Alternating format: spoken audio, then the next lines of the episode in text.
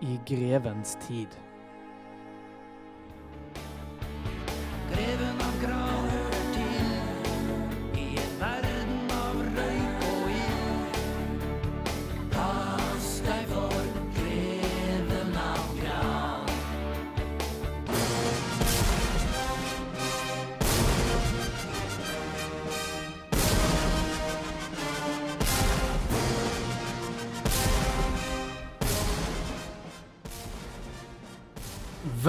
Velkommen tilbake denne uken eh, til Greven i grevens tid, og til grevens tid, hvis du vil.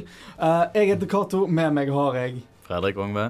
Anders Lote. Og vi skal, i motsetning til tidligere sendinger, skal vi gå litt dypere inn i kildematerialet og litt i historien. Vi skal nemlig eh, ha hva, hva skal man si? Historiebruk er det som er tema for, eh, for dagens sending. Og for dere som allerede har tatt litt historie og er veldig historienerder, så kan dere litt allerede. Og forhåpentligvis vil dere være, sitte helt på tuppen av stolen og bare tenke hva kommer neste? Og for dere som ikke er så veldig historienerder, så kan dere kanskje lære litt og bli historienerder ut av det. Eh, vi skal selvfølgelig også ha uh, benektede fakta, som jeg tar ansvar for i dag. Og Fredrik, du har uh, gjort deg klar til å hylle en diktator i dag. Yep. Så hvem det er, det kommer senere. Men først vil jeg si at det er litt anakronistisk å si at alt var mye, bør, mye bedre før. Man kan i hvert fall ikke si det nødvendigvis om musikken. fordi at her på Studentradioen har vi den ferskeste og beste musikken som fins akkurat nå. Og det, er, eh, og det skal vi begynne med. Vi skal begynne rett og slett med ukens låt. Den som har blitt valgt ut som den ferskeste og den beste. Og det er Kamel som har Si ingenting. Du hører på I grevens tid her på Studentradioen i Bergen.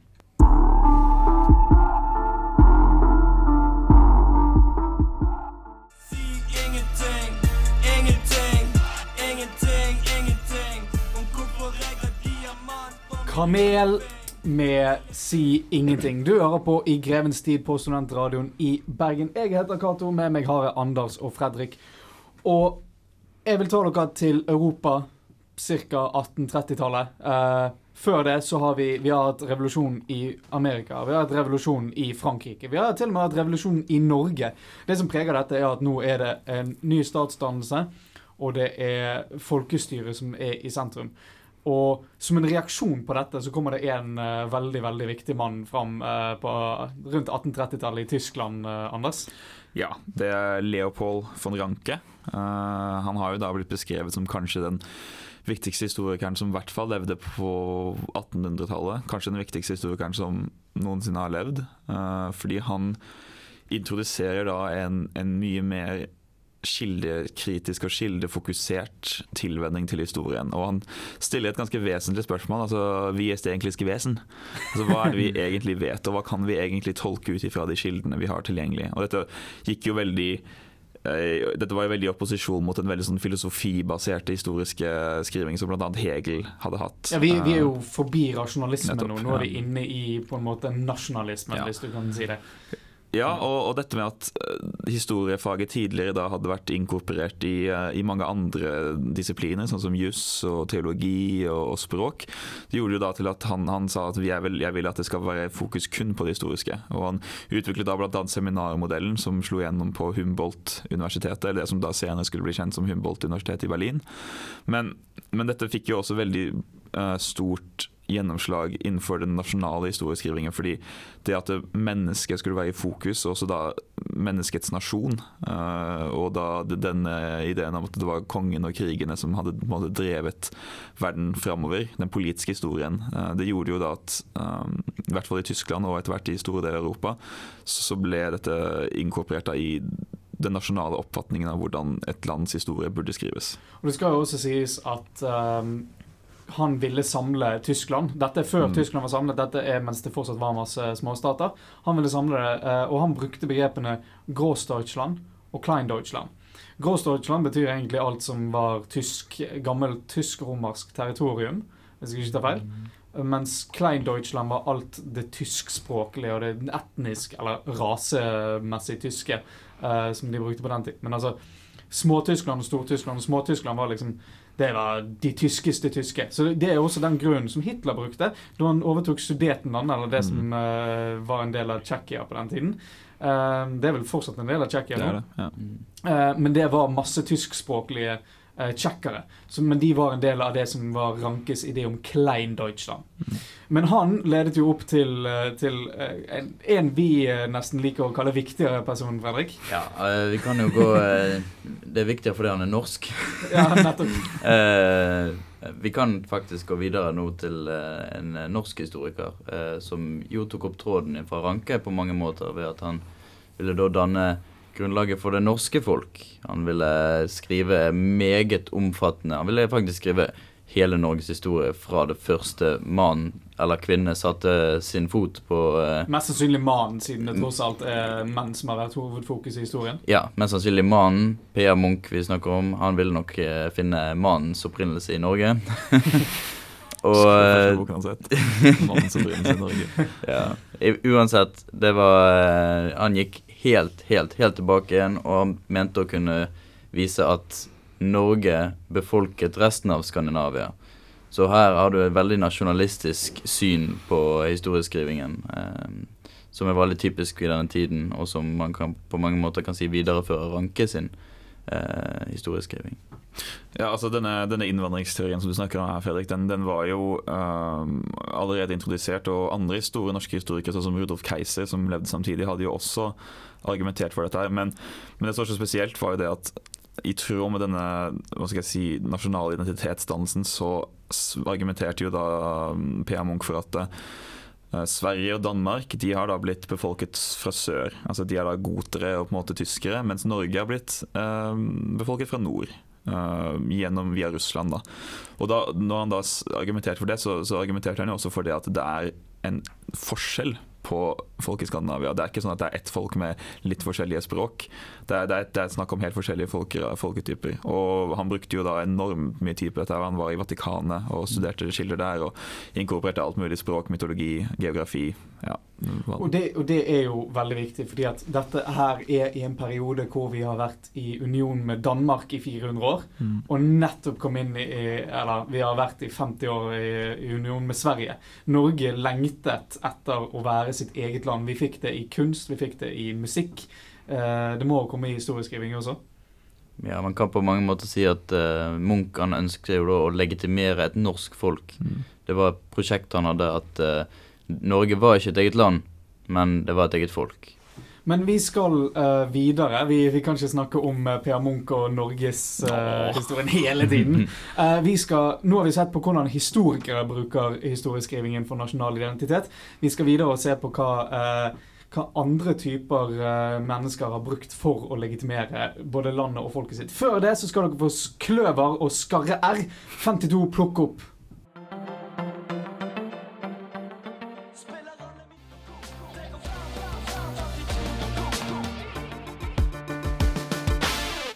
Kløver og Skarre R52 plukk opp. Eh, de hadde faktisk fått med seg Jave på Eller Jave, jeg vet ikke hvordan det sies, men eh, på, på denne her. Jave. Jave. Jave. Det er nesten som kave. Eh, bergensk kave. kave.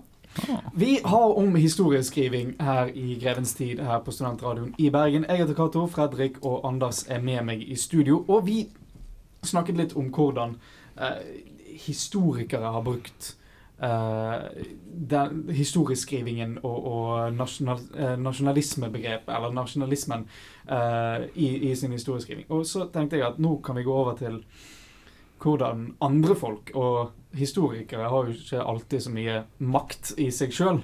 Uh, de som har makt, er jo gjerne statsledere. Og Anders, du Mm. er jo en stor fan av den mektige faren til Tyrkia.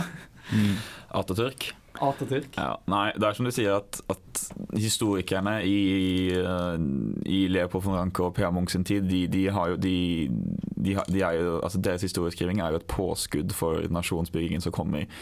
Men sånn som i Atatürk, til, Atatürk sitt tilfelle, så tar jo han direkte kontroll over uh, den, uh, det som senere skal bli den historiske opprinnelsen da, til Tyrkia, uh, i det moderne Tyrkia.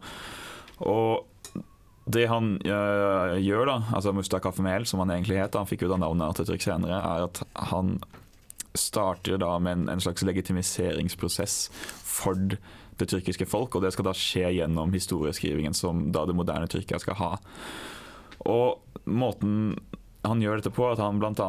Uh, insisterer på at uh, tyrkerne, altså det tyrkiske folket er nedstammet fra hetittene, som da er et oldtidsfolk som levde da i, i Anatolia.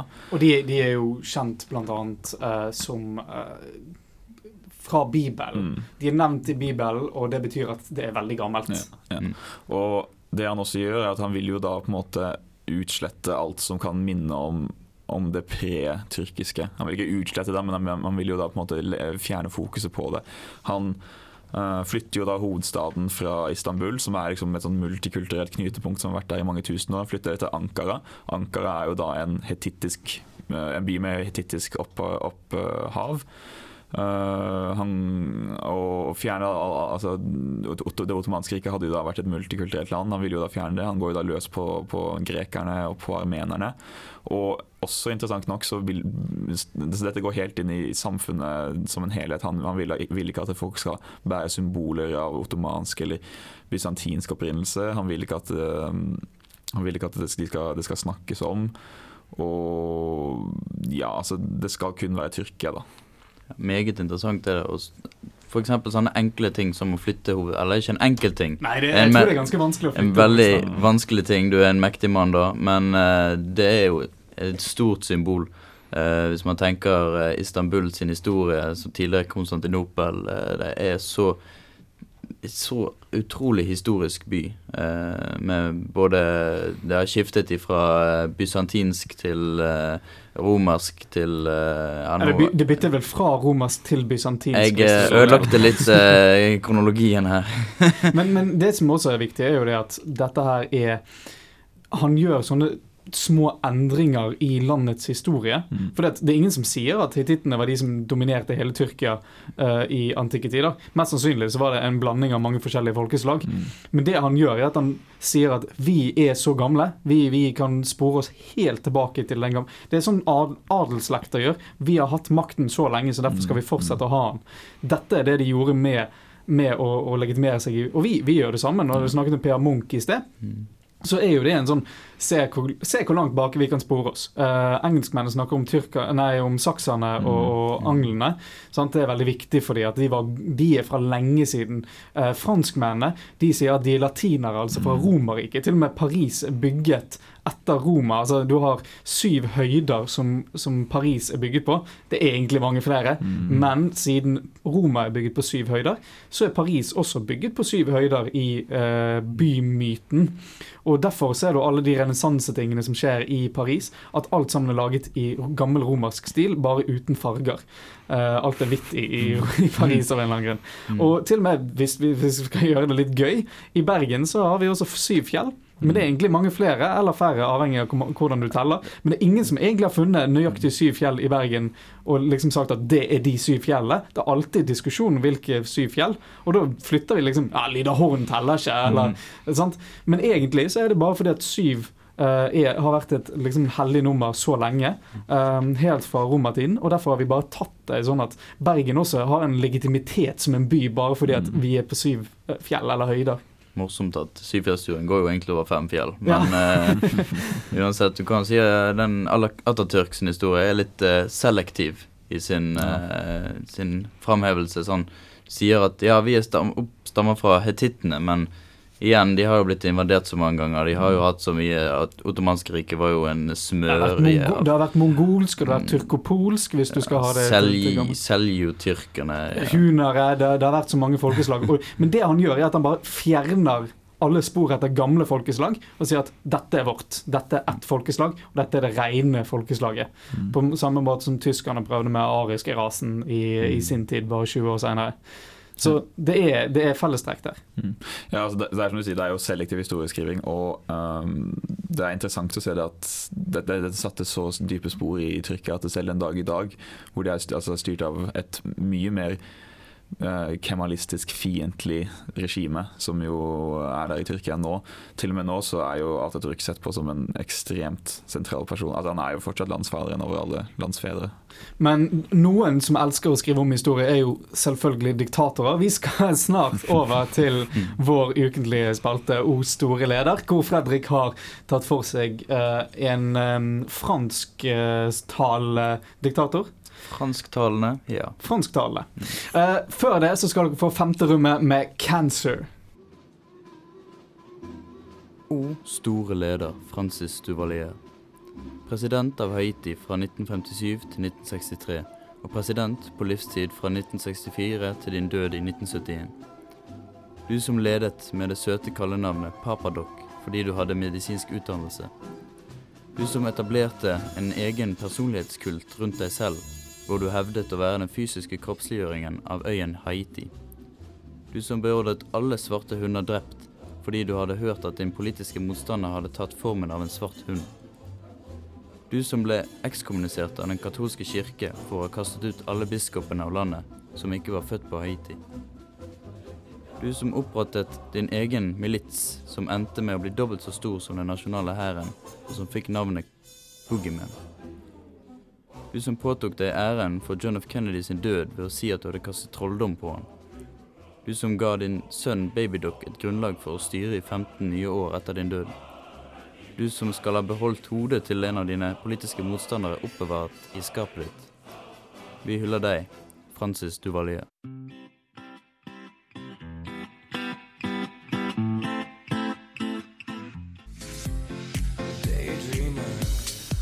Carl Cave med Guitk. Uh, Daydreamer her på Studentradioen i Bergen. Du hører på I grevens tid.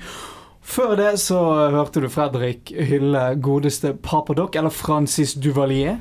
Uh, som uh, var leder for Haiti i ganske mange år. Vi har om historiebruk eh, og eller historiemisbruk her i eh, Grevens tid i dag. Og Anders, vi kommer ikke utenom det faktum at vi bruker det i våre eh, retoriske appeller. eh, når, vi, når, vi bruk, altså når vi snakker om, om noe viktig, så bruker vi gjerne historien. Eh, du har jo sett litt på dette her med, med krisesituasjoner. Eh, kan du forklare oss kjapt hva vi mener med en liksom, folkeappell og kriseretorikk?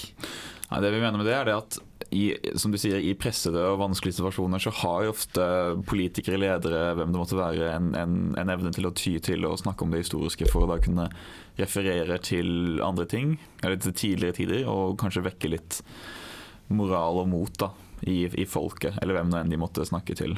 Eh, et veldig godt eksempel vi kan se på det, er jo, noe, er jo fra andre verdenskrig, eh, da eh, nazistene angrep Sovjetunionen så var jo Stalin i sjokk, fordi han hadde jo inngått en ikke-angrepspakt med de. Han hadde jo til og med levert råvarer og olje til, til nazistene helt opp til dagen de angrep. Og hæren hans ble jo smadret. Um, han sa, nesten, altså han sa ingenting på nesten tre dager, men så plutselig så dukket han opp. Og da uh, holdt han en tale uh, liksom til det russiske folk da, og til, til soldatene sine, ikke minst.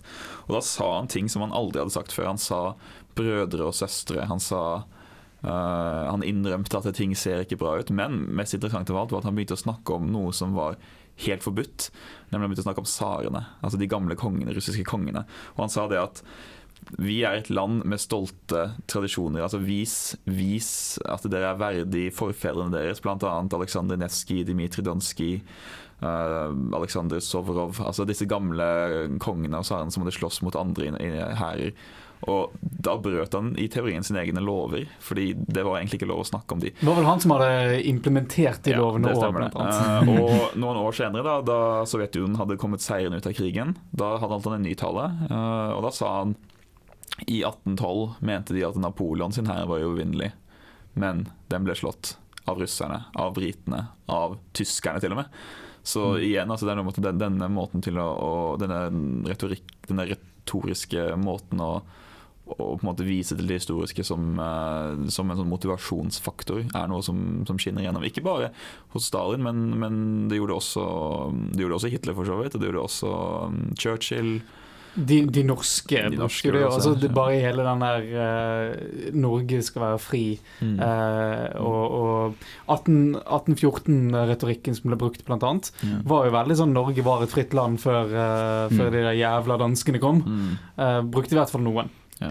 Eh, så det, det, det er jo Og Churchill var jo veldig glad i den der uh, Britain, uh, uh, the greatest empire, the, uh, the, the empire where the sun never sets, og, og Ja, altså, men det som er interessant med Churchill, er at Churchill var jo historiker selv. Ja. Han hadde skrevet mange mange bøker om, om historiske temaer, men han var jo da en veldig klassisk såkalt Whig-historiker, som vil si at han, han så på det engelskspråklige folk som det, som liksom, som det, som det genuint beste. Da.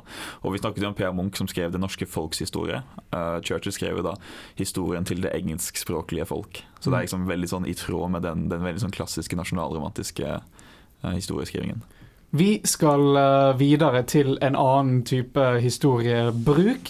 Vi skal nemlig til Benekter du fakta om litt. Eh, denne uken så har jeg presentert Eller jeg har funnet fram noen eh, myter som jeg tror egentlig alle har vokst opp med, nemlig bibelmyter. Det kommer om ikke så lenge. Før det får dere Aksu med Cheap Wine.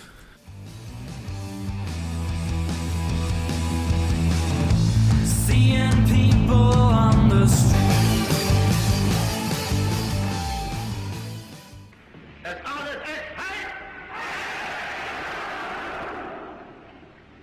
Die große Zeit ist jetzt angebrochen.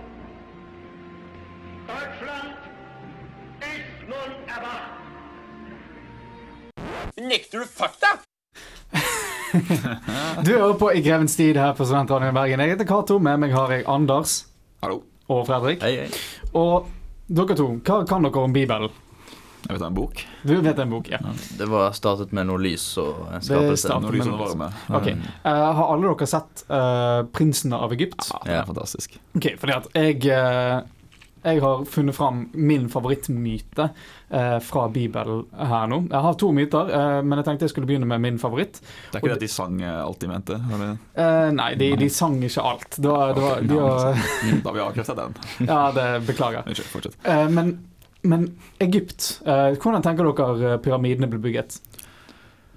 Masse pisking, eh, slaver som har det veldig fælt og ja. Det er jo en teori om at de bygde ramper da, med slaver som dro steiner opp og bygde pyramidene slik. Men eh, nå nevner jo dere begge slaver. Men myten her er jo det at var det slaver i eh, Egypt?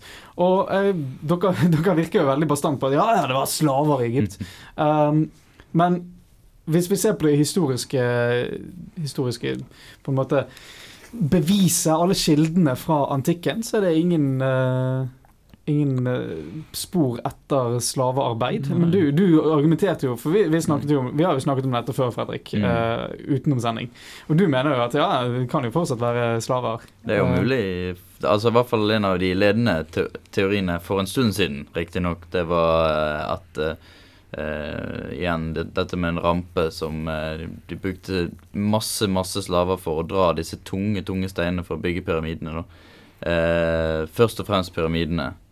Eh, utenom det er jeg faktisk usikker. Anders, hva, Mhm. hva tenker du når, når jeg sier at det ikke er slaver, og Fredrik sier at det er slaver? Nei, altså, jeg må jo innrømme at jeg har hørt dette her, jeg òg. jeg har også hørt til og med at uh, ikke bare var det ikke slaver, men de fikk betalt, og de fikk fri på søndag. Eh, ja, og det, det var og fra og de gjorde det, det helt frivillig. fra det jeg har lest, var det høyt utdannede arbeidsledere. Mhm. Som, uh, altså arkitekter som, som jobbet på der. Med taljesystem og lignende for å løfte steiner. Men, men nå må jeg komme altså, men, men er liksom eh, altså, kildematerialet såpass konsekvent at det er eh, på en måte Vi kan skyve all teori om slaver i Vel, altså Den eneste kilden vi har til, til at det var uh, israelske slaver i Egypt, uh, er jo Bibelen. Mm. Mm. Så da er jo spørsmålet er Bibelen troverdig. Men uh, i antikken så Det var jo slaver i antikken. Men de var veldig sjelden brukt til, til bygningsarbeid. Mm. Konstruksjon. De, de, de drev hovedsakelig med gårdsdrift og, og hustjenere. Jo, men jeg vet også at det ble brukt slaver f.eks. Uh, i, i marinene. Altså i båten. Altså de hadde slaver som ja. rodde, rodde seg til de døde omtrent. Altså det, og da var det sånn de jobbet seg omtrent i hjel. Ja. Uh, skal sies at riktignok i hvert fall perioder i Romerriket så, så kunne man faktisk få romersk statsborgerskap hvis man hadde rodd i en 20, 20 år cirka. Og helotene i Sparta kunne også få eh, statsborgerskap ja. ved å kjøpe seg fri. Så jeg tror ikke slavene var, var Men OK, hva, hva er dommen på, på i på, Ikke nødvendigvis slaver, men israelske slaver i Egypt. Det er viktig. Eh, At jødene, de israelske jødene, var de slaver i Egypt? Jeg, uh, jeg ser ingen grunn til å tvile på at det kan ha vært det, faktisk. Okay. Jeg er usikker nå. Jeg må innrømme at eh, du sår tvil i min Ja, det er jeg også i tvil, men, men, men, men jeg tror at vi, vi må ikke på en måte være så bastant på at det bare fordi at Bibelen er et religiøst verk, så skal vi på en måte avskrive det. Jeg tror det fins kilder som kan bevise både det og det andre, og spesielt om vi tar i betraktning hvor brutalt det faraoske uh, imperiene var. Altså Det var ganske harde samfunn. Mm. Ja. Ja. det, vi kom faktisk ikke til noe eh, Nei. konklusjon her. Men uh, hvis, selvfølgelig hvis dere er i tvil der hjemme, uh, eller hvis, hvis dere har en spesiell mening der hjemme, så kan dere sende en melding til oss til 1963 med kodeord SRIB. Og så kan dere selvfølgelig lese dere opp uh, mer på dette her. Jeg mener personlig at det ikke var noe tegn til slaver i, eh, Hmm. i Egypt, på, i, spesielt i byggingen av pyramidene og sfinksen. Men vi skal videre i vår historiebrukssending. Og vi skal da uh, snakke mer om hvordan man misbruker historie, uh, og hvordan det har vært gjort gjennom historien. Før det så skal dere få Esh uh, Palent med 'Voices'.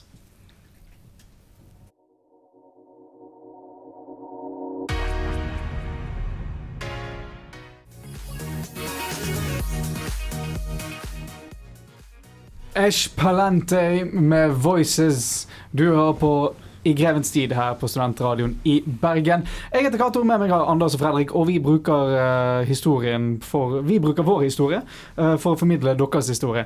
Uh, oi, den, den likte jeg. Den likte jeg.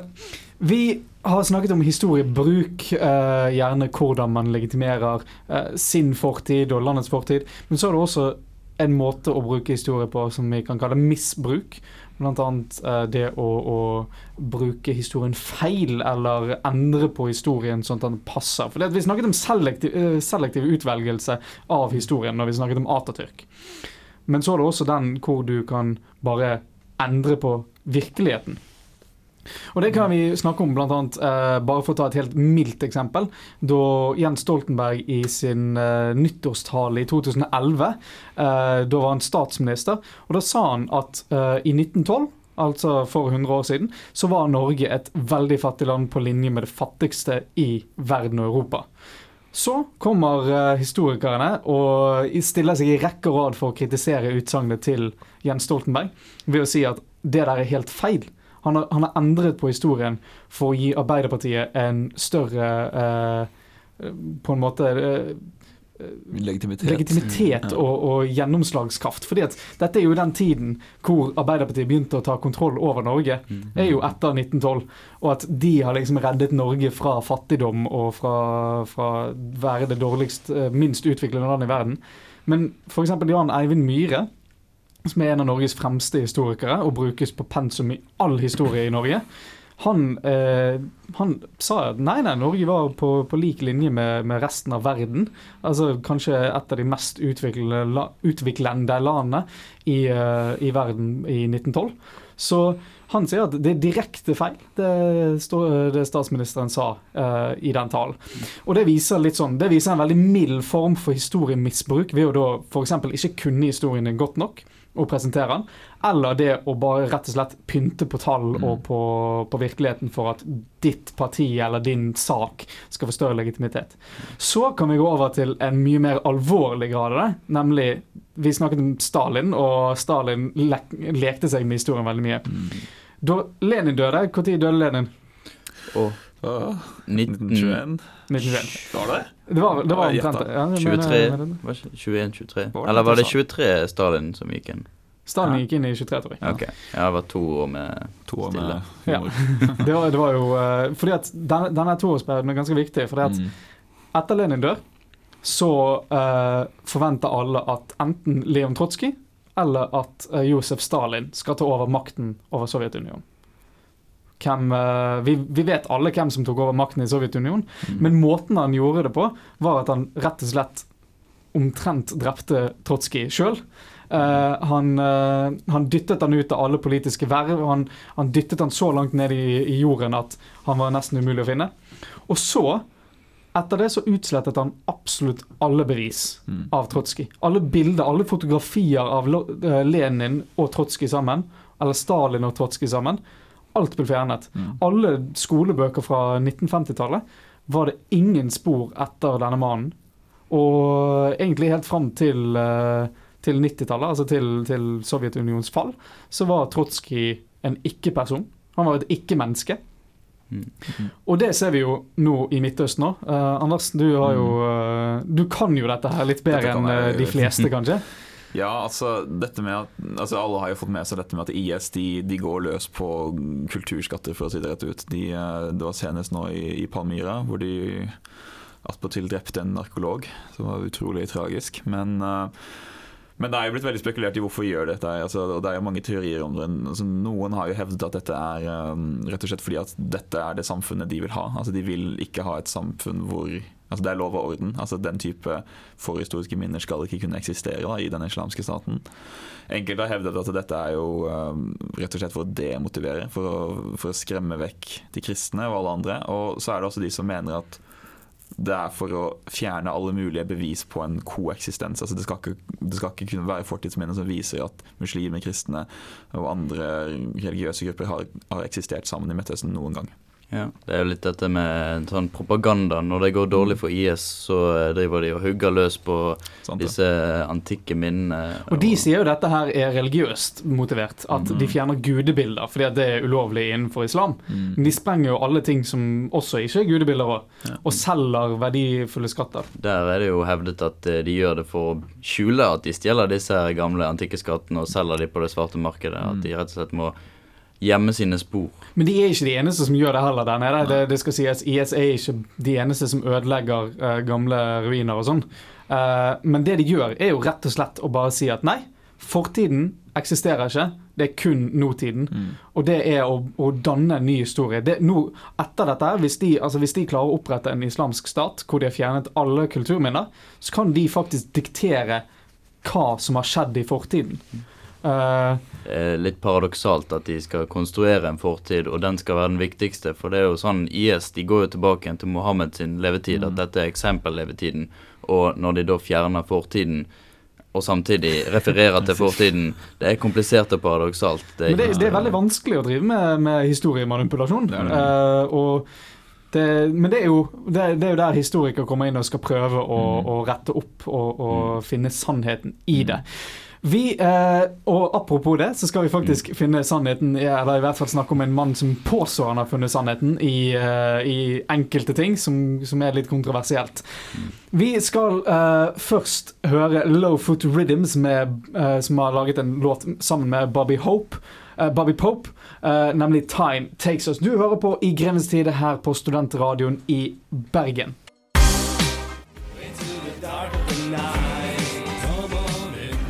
Low Food Rhythms med Bobby Pope, 'Time Takes Us'. Du hører på I grensetid her på Studentradioen i Bergen, og vi begynner dessverre å, å komme mot uh, den siste delen av vår sending, og da må vi nesten gå inn i det som kanskje er det mest kompliserte og dypeste av akkurat dette temaet her. Så spiss ørene deres, uh, finn fram notatblokken, og begynn å skrive sinte mailer.